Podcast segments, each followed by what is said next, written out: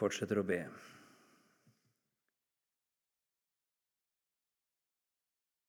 Ja, vi ber om det. Gi oss din ånd, og la ditt ord fra gå til våre hjerter, så vi kan lære deg å kjenne Jesus i sannhet.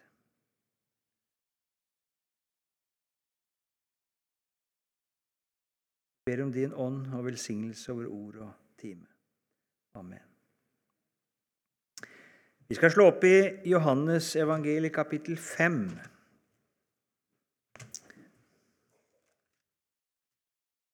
Og så skal vi se litt nærmere altså på Jesu forhold til Skriften i, i, i denne timen. Johannes 5 og fra vers 43 leser vi i Jesu navn. Jeg er kommet i min fars navn, og dere tar ikke imot meg. Kommer en annen i sitt eget navn, ham vil dere ta imot. Hvordan kan dere tro, dere som tar ære av hverandre? Og den ære som er av den eneste Gud, den søker dere ikke. Tenk ikke at jeg vil anklage dere hos Faderen. Den som anklager dere, er Moses han som dere har satt deres håp til. For hvis dere trodde Moses, så hadde dere trodd meg, for det er meg han har skrevet om. Men hvis dere ikke tror hans skrifter, hvorledes kan dere da tro mine ord? Her møter vi et av mange utsagn av Jesus om Skriften. Og når Jesus uttaler seg om Skriften og hans måte å sitere Skriften på Han sier jo 'det står skrevet', 'har dere ikke lest', 'Skriften kan ikke gjøres ugyldig', osv., så, videre, så er ikke det bare tilfeldige ord i Jesu munn. Det er ikke noe som han bare på en måte er noen, noen, en bisak i det han sier. Men det er en hovedsak. Det er en vesentlig del av det Jesus lærer. Leser du evangeliene, så vil du legge merke til at Jesus igjen og igjen og igjen taler om sitt forhold til Det gamle testamentet, til loven og profetene, til Moses. Vi skal ta fram noen sånne ord. Matteus 5, vers 17-19. Dere må ikke tro at jeg er kommet for å oppheve loven eller profetene. Jeg er ikke kommet for å oppheve, men for å oppfylle. For sannelig sier jeg dere, før himmel og jord forgår, skal ikke den minste bokstav eller en eneste tøddel i loven forgå, før det er skjedd alt sammen. Den som da bryter et eneste av disse minste budene og lærer menneskene dette, han skal kalles den minste i himlenes rike. Men den som holder dem og lærer andre dem, han skal kalles stor i himlenes rike. Jesus sier her at han ikke kommer med et budskap som opphever Det gamle testamentet. Tvert imot kommer han med et budskap som bekrefter og oppfyller Det gamle testamentets ord inntil den minste detalj. Ikke bare inntil ordlyden ikke inntil en hovedsak eller en hovedmening, men inntil den enkelte bokstav, ja, en del av en bokstav. Altså til punkt og prikke. Det gamle testamentets ord er i sin helhet et profetisk ord, og det sikter til en oppfyllelse utover seg selv. Merk det. Det gamle testamentet sikter til en oppfyllelse utover seg selv. Hvis du leser Gamle testamentet på, på hebraisk, og så møter du dette løftet om kvinnens ett, og så møter du i alle beretningene i Første Mosebok Det er ti historier der. Alle handler om sønnen. Og så er det liksom Er han sønnen? Er det han som er sønnen? Så kommer vi til David, og så får vi høre om David skal ha en sønn. Er det han? Er det han? Og så slutter andre krønikebok, som er siste bok i det hebraiske Gammeltestamentet. Og så slutter den med en som altså er i Babylon. Så I starten der på første krønikebok så møter du, møter du etterlistene i Davids slekt, og du møter de navn der fra hjemkomsten fra Babel. Og du møter en del navn som ikke du leser om i de andre bøkene i Bibelen, som er altså et stykke tid etter gjenkomsten.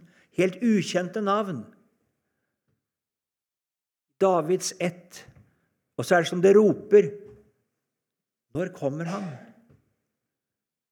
Man fører Davids ett flere generasjoner etter gjenkomsten, og så går det bare inn i et mørke. Når kommer han? Og så kommer han. Betlehem, i Davids ett. Det skjedde. Det som Det gamle testamentet har vitnet om, det skjedde. Så kommer det, oppfyllelsen. Altså Det gamle testamentet er et ord som har sikte mot en oppfyllelse utover seg selv. Og Den som da leser Det gamle testamentet Jeg skal komme inn på det i morgen, mye mer. Men bare som en rekke bud og forskrifter som mennesker skulle bli frelst ved. Det mennesket forstår ikke Det gamle testamentet rett.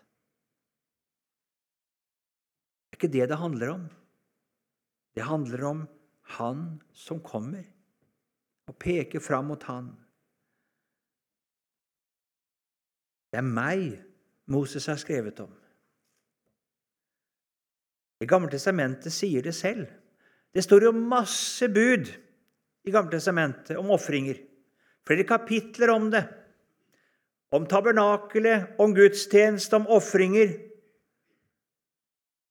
Og så kan du lese Salme 40 fra vers 7. Slaktoffer og matoffer har du ikke lyst til. Du har boret mine ører.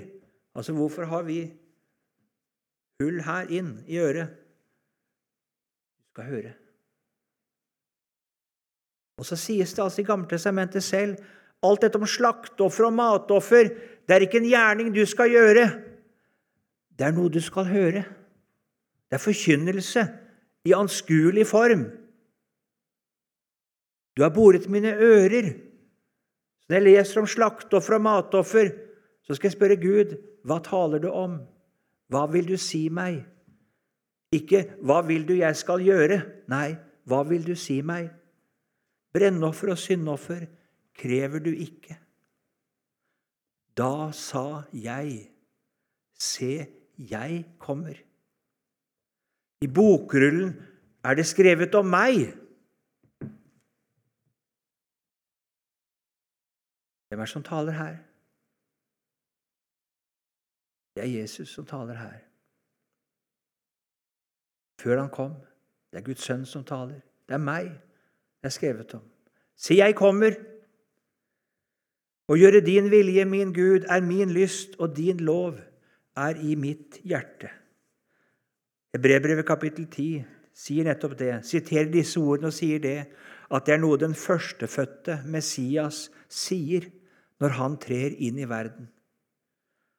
Han sier da altså om Det gamle testamentets forskrifter, lover og offer at det har ikke noen verdi i seg selv, men det er en forskrift for meg.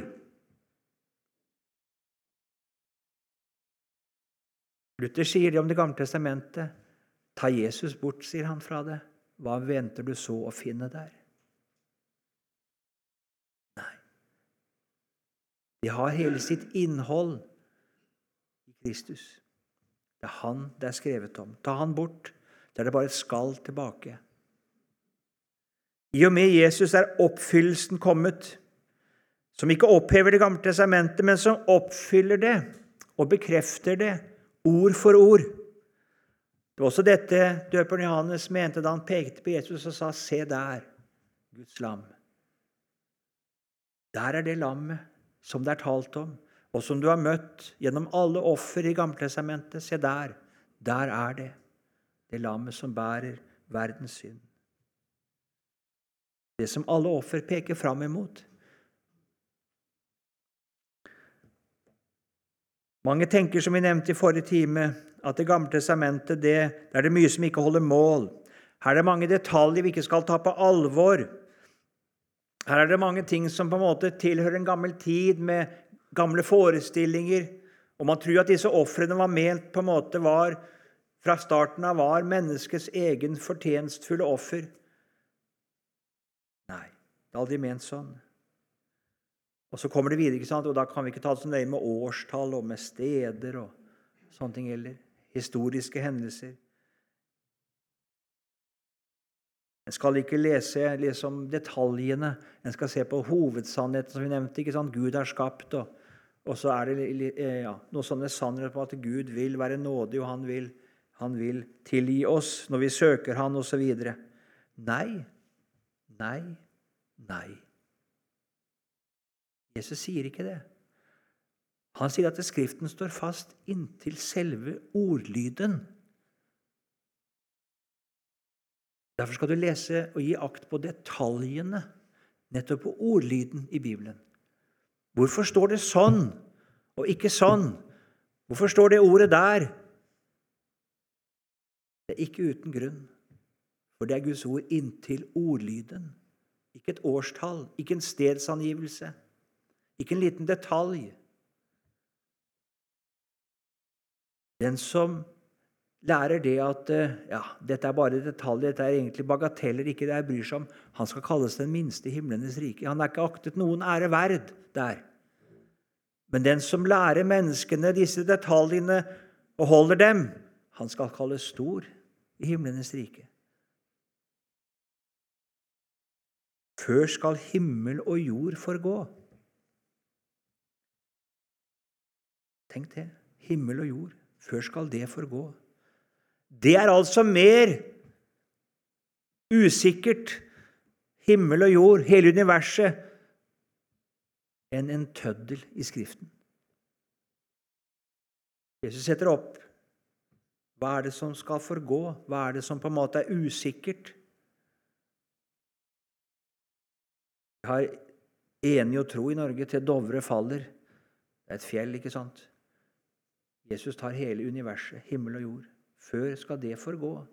Før en tøddel, den minste detalj i Skriften, skal forgå. Og Jesus sier i Johannes 10, vers 35.: Skriften kan ikke gjøres ugyldig. Det er altså ikke noe der som kan settes ut av kraft. Når noe står skrevet i Det gamle testamentet, så er det slik, sier Jesus. Da er saken avgjort. Nå glemmer jeg altså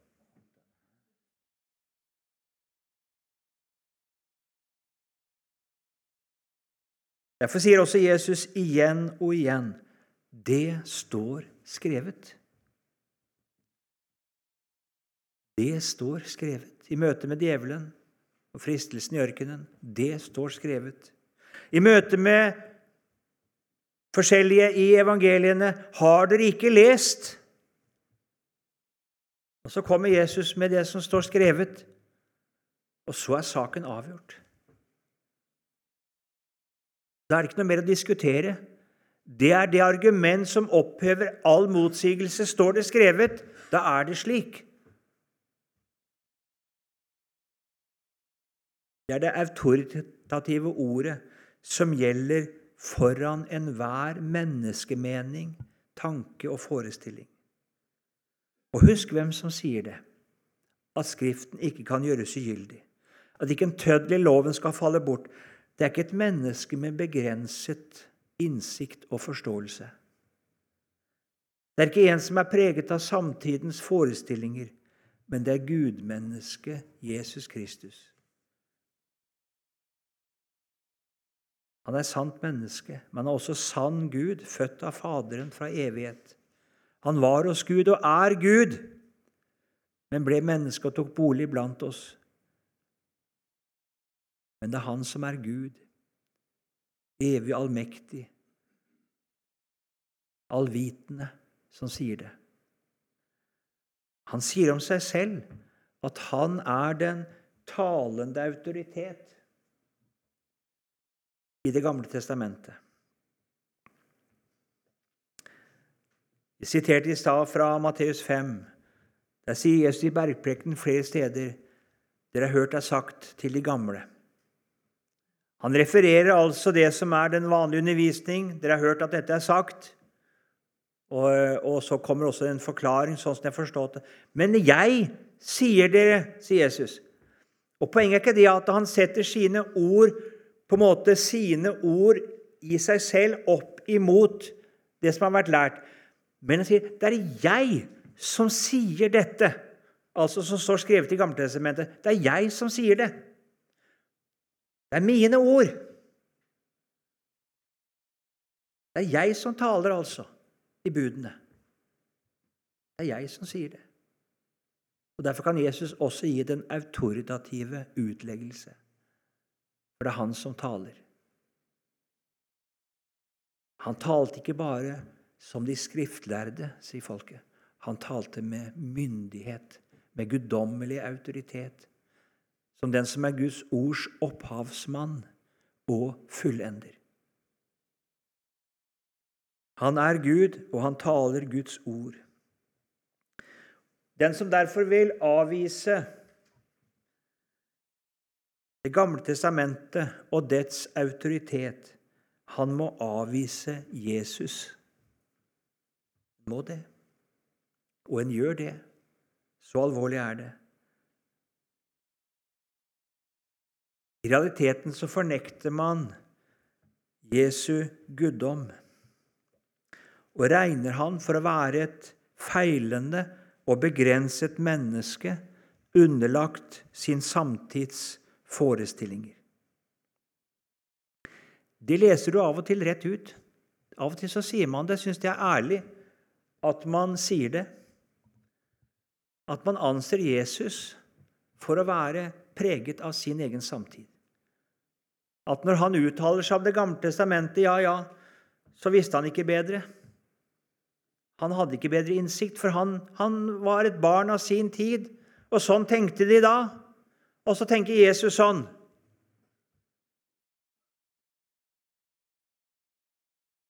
Det sies og skrives i dogmatikker, i lærebøker, på lutherske fakulteter, akkurat dette.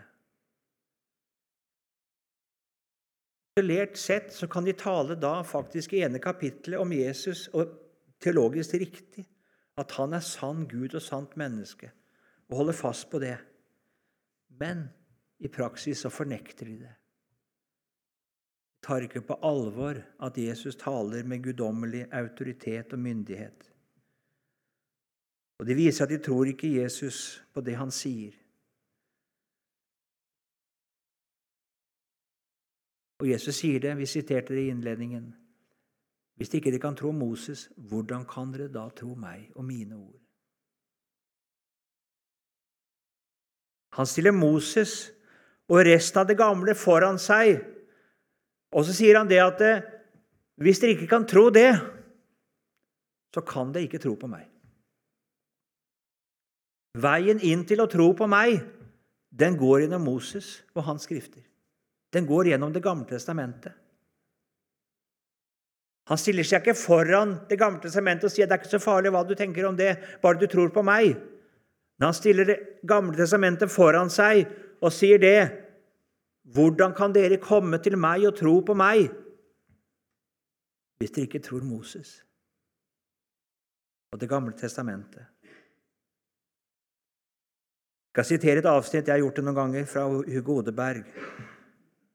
Han sier det slik Når en har fått oppmerksomheten rettet mot Jesus selv, mot hva Jesus selv lærer om Skriften, For dette de mest vidtgående konsekvenser for helens forhold til Skriften. For Jesu lære om Skriften og hans eget forhold til Skriften viser seg å være ikke relativt ubetydelige detaljer i Jesu forkynnelse og liv, men så sentrale at de blir absolutt bestemmende om en vil ha noe med Jesus å gjøre. Læren om Skriften og dens betydning var ikke ett av mange emner som Jesus talte til sine disipler om, men læren om Skriften var med i all hans undervisning. Hele hans undervisning gikk ut på å forbinde virkeligheten med Skriften, spesielt Kristi verk som sentrum i historien. Hvis en ser litt grundigere etter, finner en at hver eneste uttalelse av Jesus er avhengig av Skriften. Tar en bort hans lære om Skriften, finnes det ingenting igjen, verken av kjærlighet eller frelse. Hvor vanskelig det enn må være å finne seg i dette faktum, går det ikke an å komme utenom det. Da er det mer konsekvent og ærlig å si vi vil ikke ha noe med Skriften eller Kristus å gjøre i det hele tatt. Så langt Odeberg. Den dobbeltholdninga, altså, at man vil avvise noe i Skriften, men jeg vil tro på Jesus Nei, det går ikke. Det er ærligere å si da jeg vil ikke ha noe med Jesus å gjøre. Øyvind Hansen sier det sånn at den som vil være en kristen, han kan ikke unndra seg Jesu altomfattende læremyndighet. Det er, står i hans troslære. Jesus trådte fram som profet. Vi sier at Jesus har tre embeter. Han er salvet til å være Messias.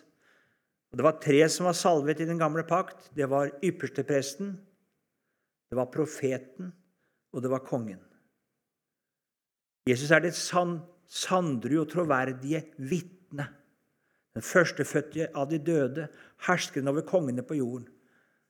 Sandru, troverdige vitne. Han er altså det, han er profeten. Ikke én profet blant mange, men selve profeten. Selve læren, selve den talende autoritet i hele Skriften. Jesus sier det i Matteus 23, vers 10, i sin straffetale over fariseerne. Så sier han der La heller ikke noen kalle dere lærere, for én er deres lærer. Messias. Bare én. Og i dette profetembetet så lå hans altomfattende læremyndighet innesluttet. Altså, Jesus han taler sannhet, og han har en myndighet i alt, og sånn er det med hans ord, i alt det dette ord uttaler seg om. Jeg har sikkert hørt det, at Bibelen er ikke en lærebok i naturvitenskap. Den er ikke en, en historiebok om alle mulige ting. Den er ikke en lærebok i biologi. Den er ikke osv. Nei da, den er ikke det. Men alt den sier om disse ting, er sannhet. Det står ikke noe om Kina, det står ikke noe om Norge der heller i Bibelen. Ikke noe geografi om Norge, ikke noe historie om Norge. Det er ingen historiebok om alt menneskeslektens historie. Men den historien den forkynner om mennesket, det den skriver om geografi, det den skriver om biologi eller zoologi Det står ikke så rent lite i Jobbs bok. Det er sannhet. Det er sannhet. Det er den allvitende, allmektige Gud som står som autoritet bak hvert ord. Det er Han som har skapt. Han spør jo Jobb hvor var du hen da jeg skapte jorden. Og han spør har du fulgt med på disse dyrene. Og Gud kjenner deres veier. Han, han følger med. Skulle ikke han kunne beskrive det sant? Skulle han ikke det? Skulle ikke han som ser alt, skrive sant om historien? Man tror ikke det. For man tror ikke at det er Guds ord. Man tror ikke Jesus, som sier at ikke en tøddel skal forgå. Man tror det ikke. Det har vært ærligere å si det. Vi tror ikke på han. Uansett altså om Jesus taler om himmelske eller jordiske ting, så, er, så står hans autoritet bak det han har sagt.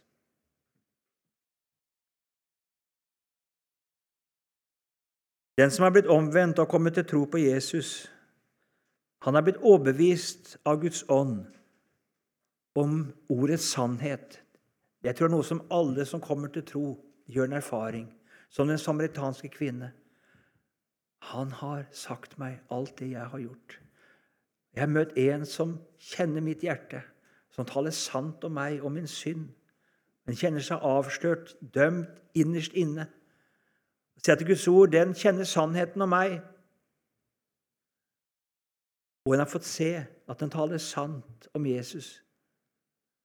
Og den som har gjort en erfaring, den grunnleggende erfaring av Guds ord, det ser, det forstår, det taler sannhet, kan ikke unndra seg Jesu Kristi krav på autoritativ myndighet på alle andre områder. En kan ikke si at ja, akkurat der Jesus skal du få lov til å ha din rette mening, men når du taler om det, da vil jeg, da vil jeg la min tanke gå foran. Nei. Det hører med til det å ha blitt kommet i personlig samfunn med Jesus og kommet overbevist av Guds ånd, at alt det Jesus taler om, alt det han sier, det har blitt min autoritet. Det bøyer jeg meg for. Det innretter jeg meg etter. Sånn forholder apostlene seg til Guds ord. Det er 1. Korinterbrev 7 og vers 10.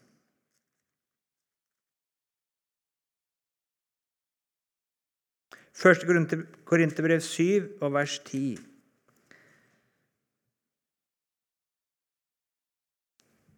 skal ikke gå inn på saken der, men til dem som er gift, har jeg dette bud, ikke fra meg selv, men fra Herren. Ja, og så gjelder det.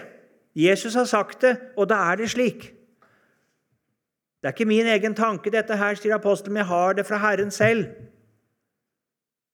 Og da må vi innrette oss etter det. Bare den som erkjenner Jesus som sin autoritet, anerkjenner Gud som sin autoritet. Og enhver annen autoritet er en avgud. Om det er fornuften min, om det er følelsen min, om det er Kirken, om det er årsmøtet vårt, om det er den personen der som jeg har så stor tillit til, om det er de andre kollegene, eller hva det er som jeg på en måte bøyer meg for Nei. Kan ikke det. Når det strider mot Skriften. Da blir det en avgud. Når jeg begynner altså å ta det til etterretning, eller la det være bestemmende framfor Jesu ord, framfor Guds ord. Men det skjer, og det skjer. Det er så vanskelig i en forsamling når noen sier at dette er i orden, og sånn, og så ta oppgjør mot det, og så følge det her. Det blir så vanskelig. Og så lar vi det være. Vi må si med så stor tyngde og med så stort alvor som vi kan at den som ikke blir i Jesu ord, som ikke holder fast på alt som står skrevet i Skriften, han har falt bort fra Jesus og har gjort seg en avgud. Hvordan går det til? Jeg skal bare slutte, vi har litt tid igjen. Ehm, ja, jeg skal lyst til å ta opp fram to beretninger. Jeg har sagt i manuset bare én, men jeg skal ta to. Hvordan det går til. I 2. Mosebok 32 så leser vi om gullkalven. Moses er Guds profet, og han formidler Guds ord til Israel. Men Guds åpenbaring er så skremmende. Den strider så helt og fullt mot folkets religiøse følelse og deres egne tanker om Gud. Det de møter på Sinai, er så fryktelig at de holder ikke ut. Den Gud som de møter der gjennom Moses, den fyller dem med angst, med redsel. Det er ikke sånn Det er ikke sånn de ville at Gud skulle være. Det er så vanskelig å forholde seg til en sånn Gud, som er så streng.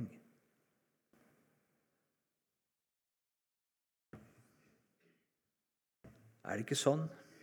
Det moderne mennesket reagerer med en voldsom aversjon altså, mot den Gud som vi møter i Bibelen hans strenghet på moralens område. Gud anses ikke verken være god eller moralsk. De syns at det er altfor hardt, altfor mørkt, altfor tungt. Noen sier det rett ut at en sånn Gud er ikke verdt å tro på engang hvis han er slik. Nei, en ser for seg Gud annerledes. Min Gud er ikke sånn, sier noen. Nei, min Gud, han er sånn. En Gud som oppfyller litt mer mine ønsker og behov, som godtar meg sånn som jeg er, som har forståelse for menneskets lidenskaper og lyster, som forstår oss. En Gud jeg kan ete, drikke og leke foran. En Gud jeg kan dyrke sånn som jeg har lyst til, som gir meg litt sånn stemning og litt følelse av at dette er gjevt. Ja, akkurat sånn tenker de under ørkenvandringen. Så får de Aron til å lage en sånn Gud. En Gud som på en måte er en ja, Vi skjønner at det er tanker med fra Egypt der. For, for kalven den hadde en stor betydning i Egypt. Det var religiøse forestillinger knyttet til den. Så de bærer med seg, det skjønner vi, tankegods, allmennreligiøsitet fra Egypt. Og det kommer så lett inn i våre forestillinger om Gud. Og når de da har laget denne kalven, så sier du at dette er din Gud Israel, som førte deg ut av Egypt. Det er viktig å få med Aron, for Aron var jo en Guds representant. Det gir legitimitet. Vi vil jo ikke falle fra Gud. Det er jo Gud. Men, men allikevel så Det var litt vanskelig å forholde seg til den åpenbaring som de hadde fått.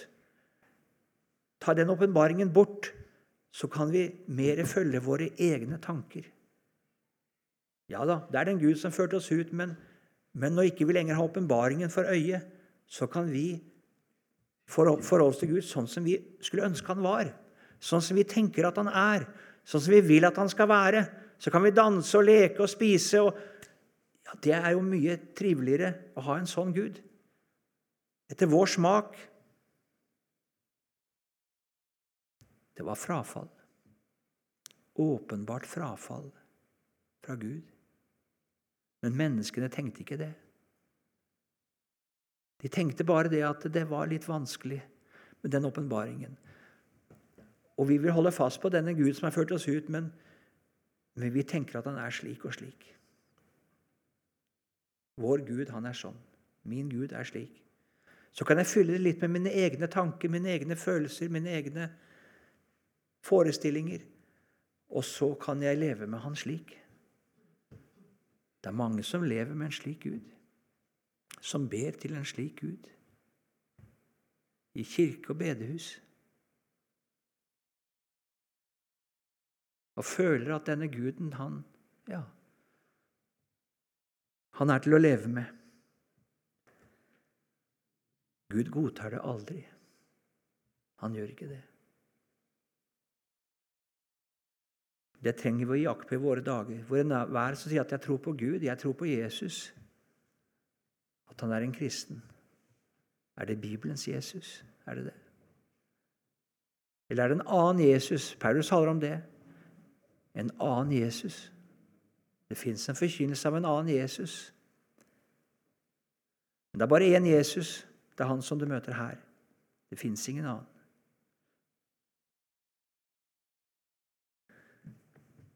Den andre beretningen, det er Biliam. Helt åpenbart en mann med stor innsikt. Han eh, levde av det og sikkert komme med, med ulike profetiske utsagn og, og, kaste forbannelser, eller hva det var. Og så er det, så er det Balak han vil gjerne ha Biliam til å forbanne Israel.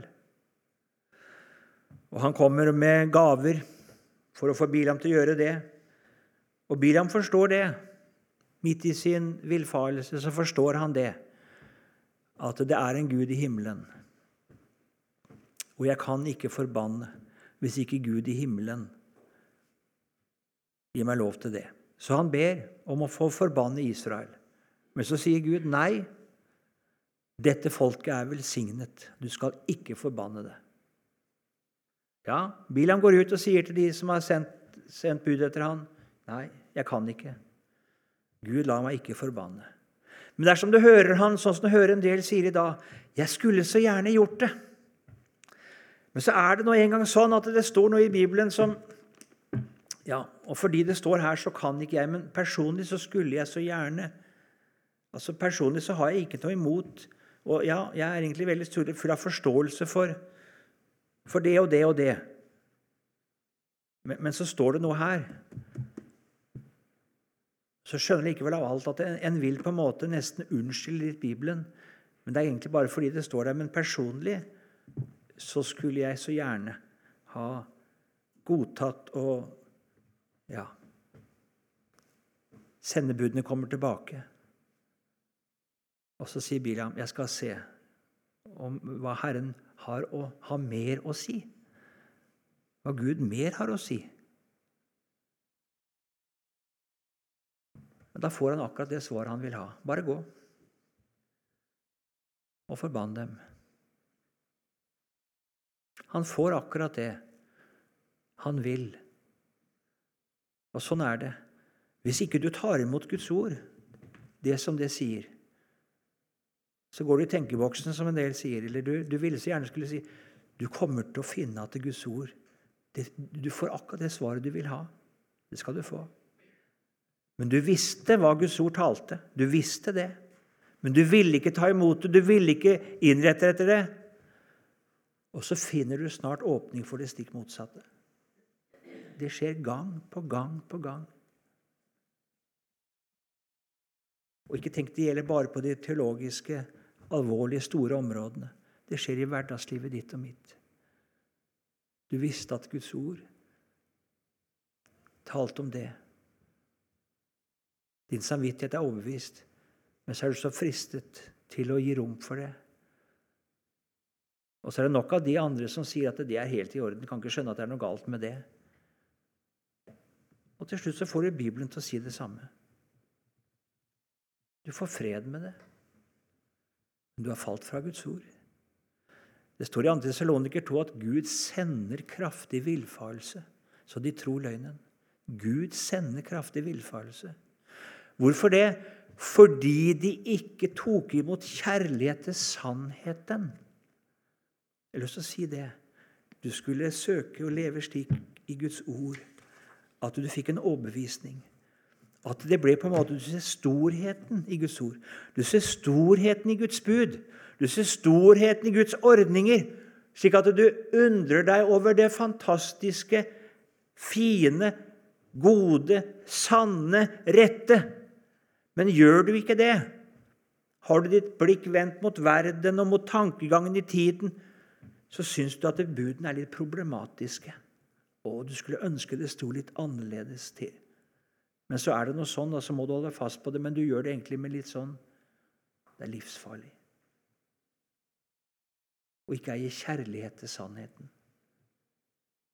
Ta imot, står det. Du har den ikke, men ta imot kjærlighet til sannheten. Vi må be om å ha det forhold til Guds ord, at jeg får nåde til å se inn så jeg kan si med apostelen altså Å, hvilken visdom, altså, hos Gud. Undrer, altså, og Guds råd.